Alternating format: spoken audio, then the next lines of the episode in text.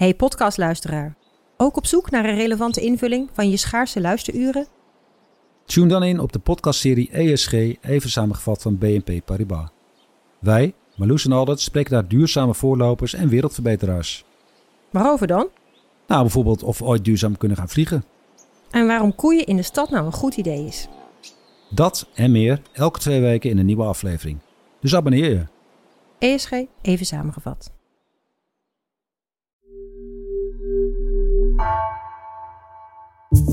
Vanaf de redactie van NRC het verhaal van vandaag. Mijn naam is Floor Boon.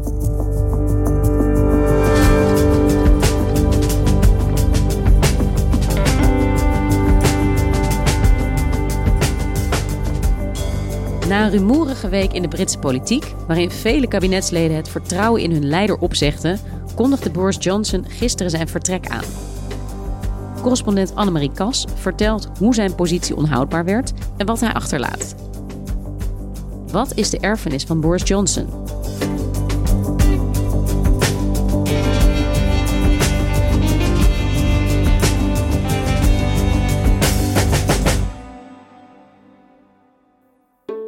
Annemarie, gisterenmiddag kondigde Boris Johnson zijn vertrek aan als premier van het Verenigd Koninkrijk.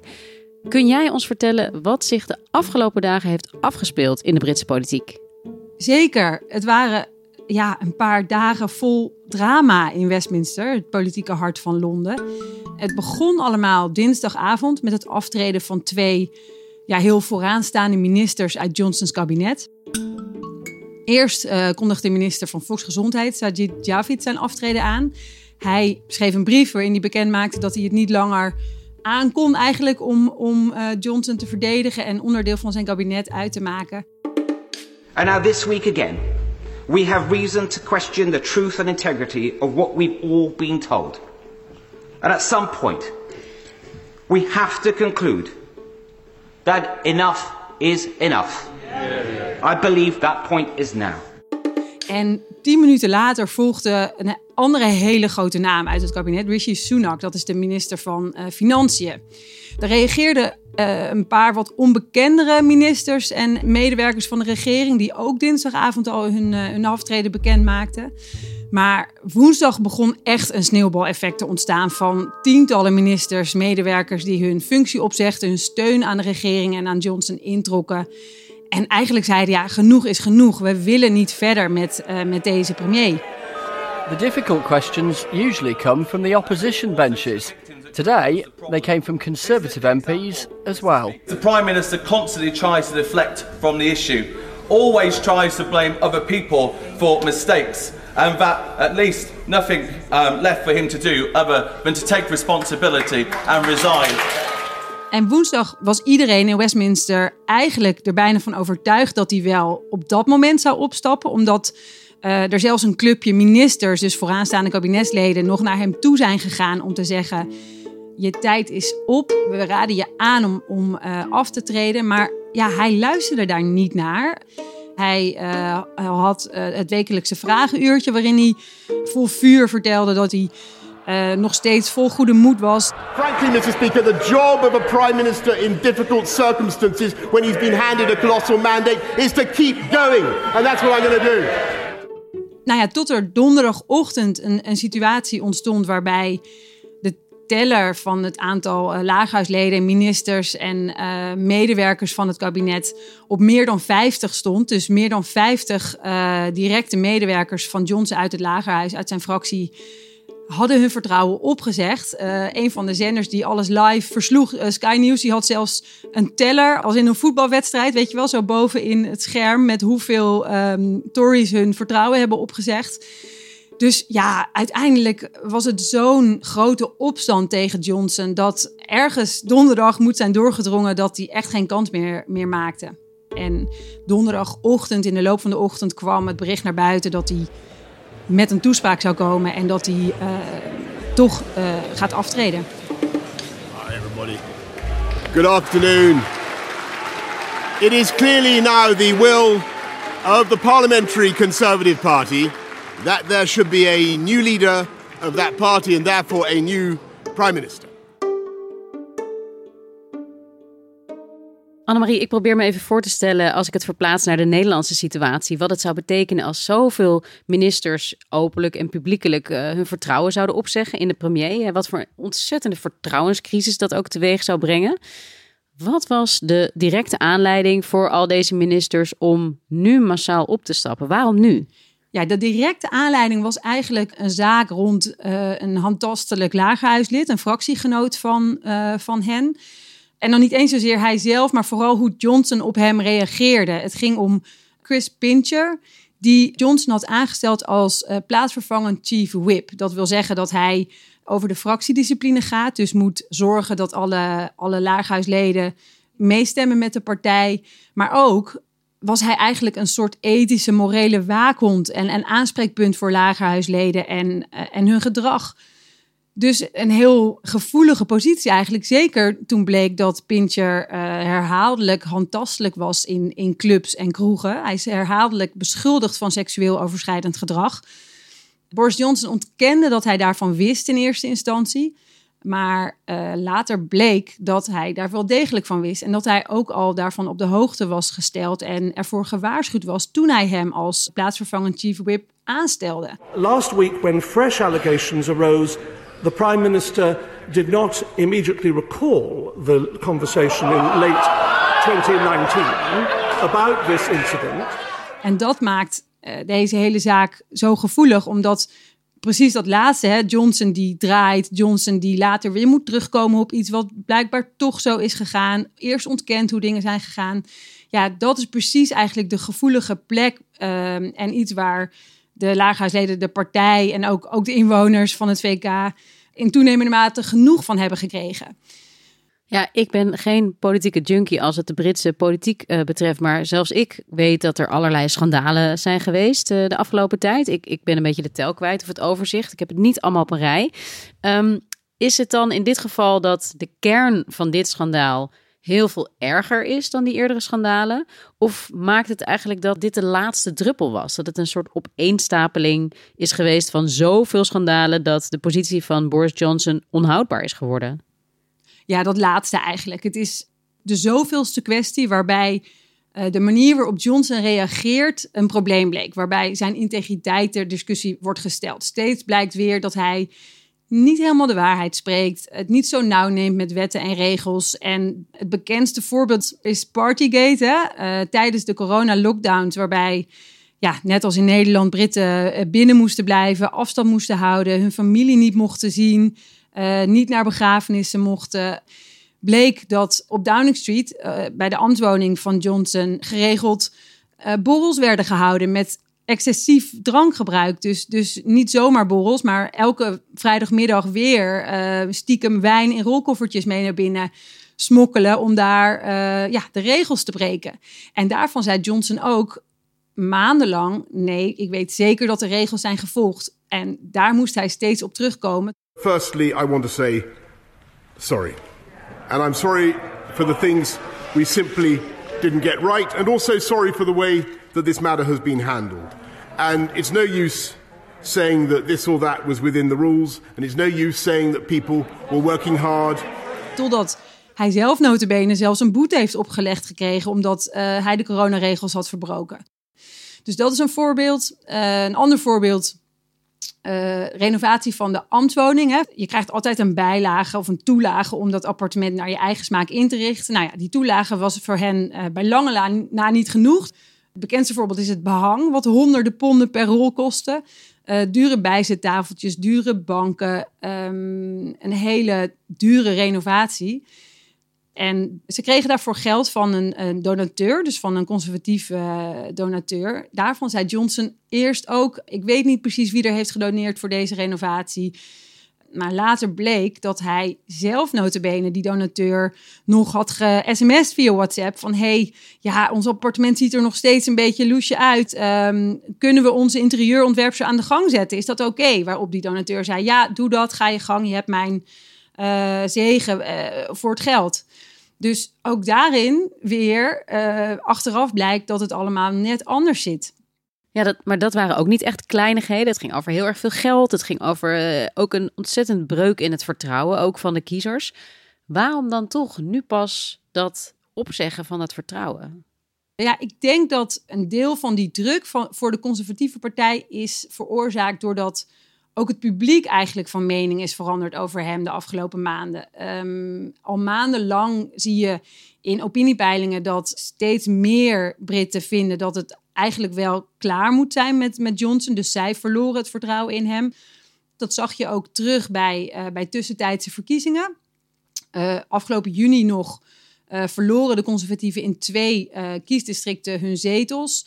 Dus ja, de Tories die begonnen zich eigenlijk achter hun oren te krabben. Want de partij hing aan hem omdat hij ja, electoraal zo succesvol was. Hij wist delen van het land aan te spreken die eerder nooit op de conservatieve partij hebben gestemd. Hè? Vooral uh, in het noorden van Engeland bijvoorbeeld, waar ja, mensen wel heel sterk pro-Brexit waren. Dus pro-uittreding van de, van de Europese Unie, maar altijd Labour uh, stemden. Dus Johnson was voor hen iemand die een enorme electorale aantrekkingskracht uh, heeft en had. Maar ja, als die grotendeels uit lijkt te zijn gewerkt, um, is het dan nog wel zo'n goed idee om hem aan te houden als partijleider? Ja, als jij dit allemaal zo uh, achter elkaar zet, dan uh, lijkt het onontkoombaar dat het vertrouwen in hem echt op is. Toch zat er wel iets van tegenstribbeling in Johnson, die ja, misschien ook wel vond dat hij ondanks al die schandalen toch wel aan kon blijven als premier. Hoe kan dat? Waarom vond hij dat? Dat komt denk ik vooral door die grote winst die hij in uh, 2019 bij de landelijke verkiezingen heeft gehaald. Toen wist hij een uh, enorme meerderheid uh, binnen te halen. 80 zetels in het Lagerhuis was de grootste winst in, in decennia. Hij verwees daar ook nog naar in zijn afscheidstoespraak. So I want to say to the millions of people who voted for us in 2019, many of them voting conservative for the first time.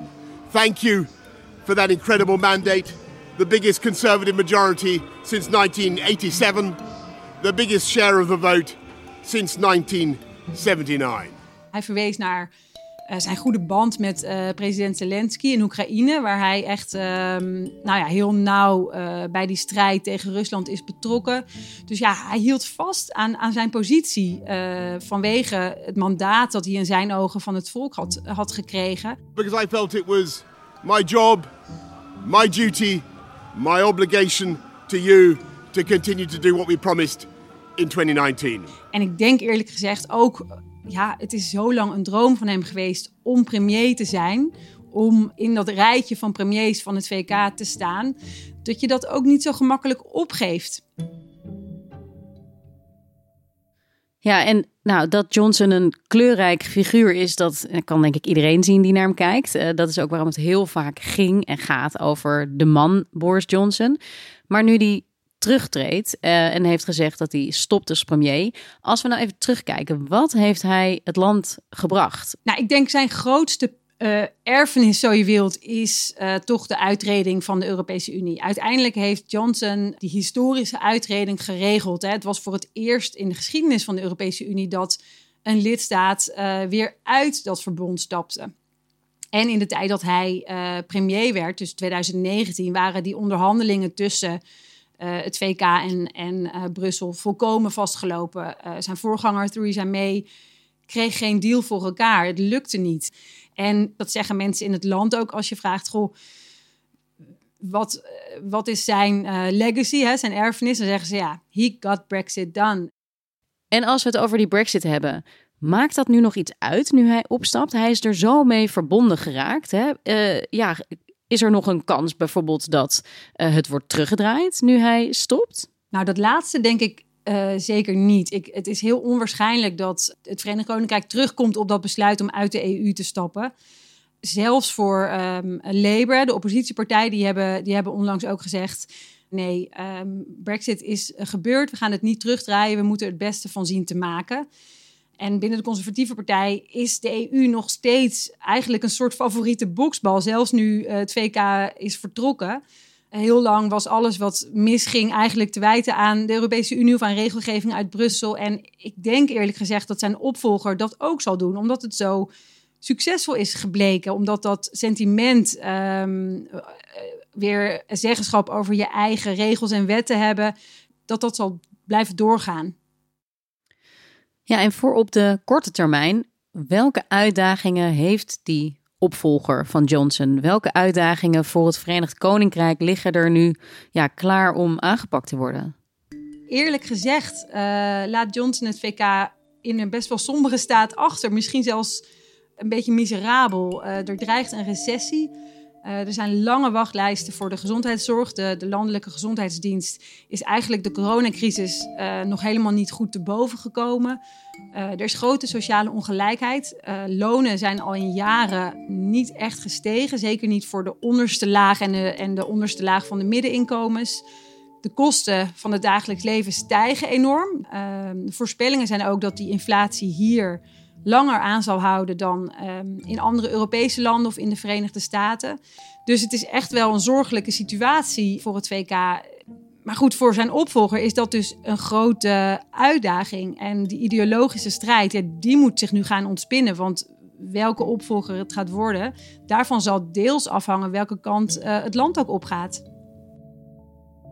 En wat ook uh, wel spannend is eigenlijk, is om te kijken of het Verenigd Koninkrijk of uh, de conservatieve partij, of zij op die populistische weg die Johnson heeft ingeslagen, uh, doorgaan. En de vraag is nu welke kant de, de conservatieve partij zelf op gaat. Hè? Kiezen ze iemand die, net als Johnson, heel graag deelneemt aan die cultuuroorlogen en daar positie in inneemt en, en de partij en misschien ook wel de samenleving mee naar rechts neemt? Of kiezen ze voor een soort um, een rustige partijleider die juist ja, een tegenbeweging tegen de afgelopen hectische drie jaar uh, zal zijn. En hoe gaat dat nu in zijn werk? Welk proces uh, gaat er nu in gang? En, en wanneer kan het Verenigd Koninkrijk ook echt een nieuwe premier verwachten? Dat is nog niet helemaal duidelijk. Daar zijn ze um, uh, nu nog een, een robbertje over aan het vechten. Want Johnson die zegt, ik blijf aan tot er een nieuwe partijleider is. En dat zou dan ergens in het najaar moeten zijn. Maar binnen de partij gaan er ook veel stemmen op die zeggen: hij moet nu weg. Hij kan niet nog een paar maanden blijven, ook al is het als waarnemend premier. We moeten een andere tijdelijke vervanger hebben. Dus hoe dat precies gaat lopen is nog niet helemaal duidelijk. En het lastige is ook dat er niet echt een vanzelfsprekende opvolger klaar staat. Uh, dat is een andere reden dat het nog vrij lang duurde voordat de partij echt doorzette met, met Johnson onder druk zetten. Ze hebben niet echt een vanzelfsprekende uh, opvolger. Dus het is heel waarschijnlijk dat zich allerlei kandidaten gaan aanmelden. De fractie in het lagerhuis die stemt over alle kandidaten tot er vervolgens uh, twee overblijven. En donderdag sprak ik een, uh, een gepokt en gemazelde parlementariër die ik natuurlijk vroeg, hoe gaat het nu verder? En hij zei, nou ja, je kunt er in elk geval van uitgaan dat van die twee die overblijven, de rechtse kandidaat, dus de meest rechtse kandidaat, zal winnen. Omdat onze partij nu eenmaal vrij rechts en conservatief is ingesteld. Ja, en tot slot, Annemarie, als correspondent in het Verenigd Koninkrijk voor een Nederlandse krant, waar ga jij de komende tijd het meest op letten? Ja, voor eerlijk gezegd is het voor mij journalistiek natuurlijk ontzettend interessant. Um, oppositiepartij Labour die stuurt nu heel erg aan op nieuwe verkiezingen. Dus zodra er een nieuwe premier is, zou die volgens Labour ook een nieuw mandaat uh, van de bevolking moeten vragen. En zij zeggen, uh, na twaalf jaar conservatieven aan de macht is het tijd voor een nieuwe regering. Dus we willen naar de, naar de stembus. Ik denk niet dat het heel waarschijnlijk is dat het ook snel gaat gebeuren. Juist omdat de conservatieven nu een enorme meerderheid hebben. Uh, eh, 80 zetels in het parlement. Uh, maar goed, de verkiezingen staan voor 2024. Maar ik moet eerlijk zeggen dat ergens hoop ik dat het eerder gebeurt. Want uh, het is natuurlijk zo mooi om te kunnen meemaken hoe een land een nieuwe koers kiest. En, en wat daar allemaal bij komt kijken. En, en de strijd die dat met zich meebrengt. Dat is ehm, ja, geweldig om te mogen volgen.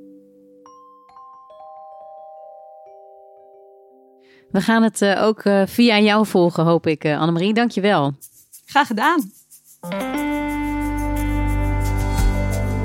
Je luisterde naar vandaag. Een podcast van NRC. Eén verhaal, elke dag. Deze aflevering werd gemaakt door Ruben Pest, Julia Vier en Jan-Paul de Bond. Dit was vandaag. Maandag weer.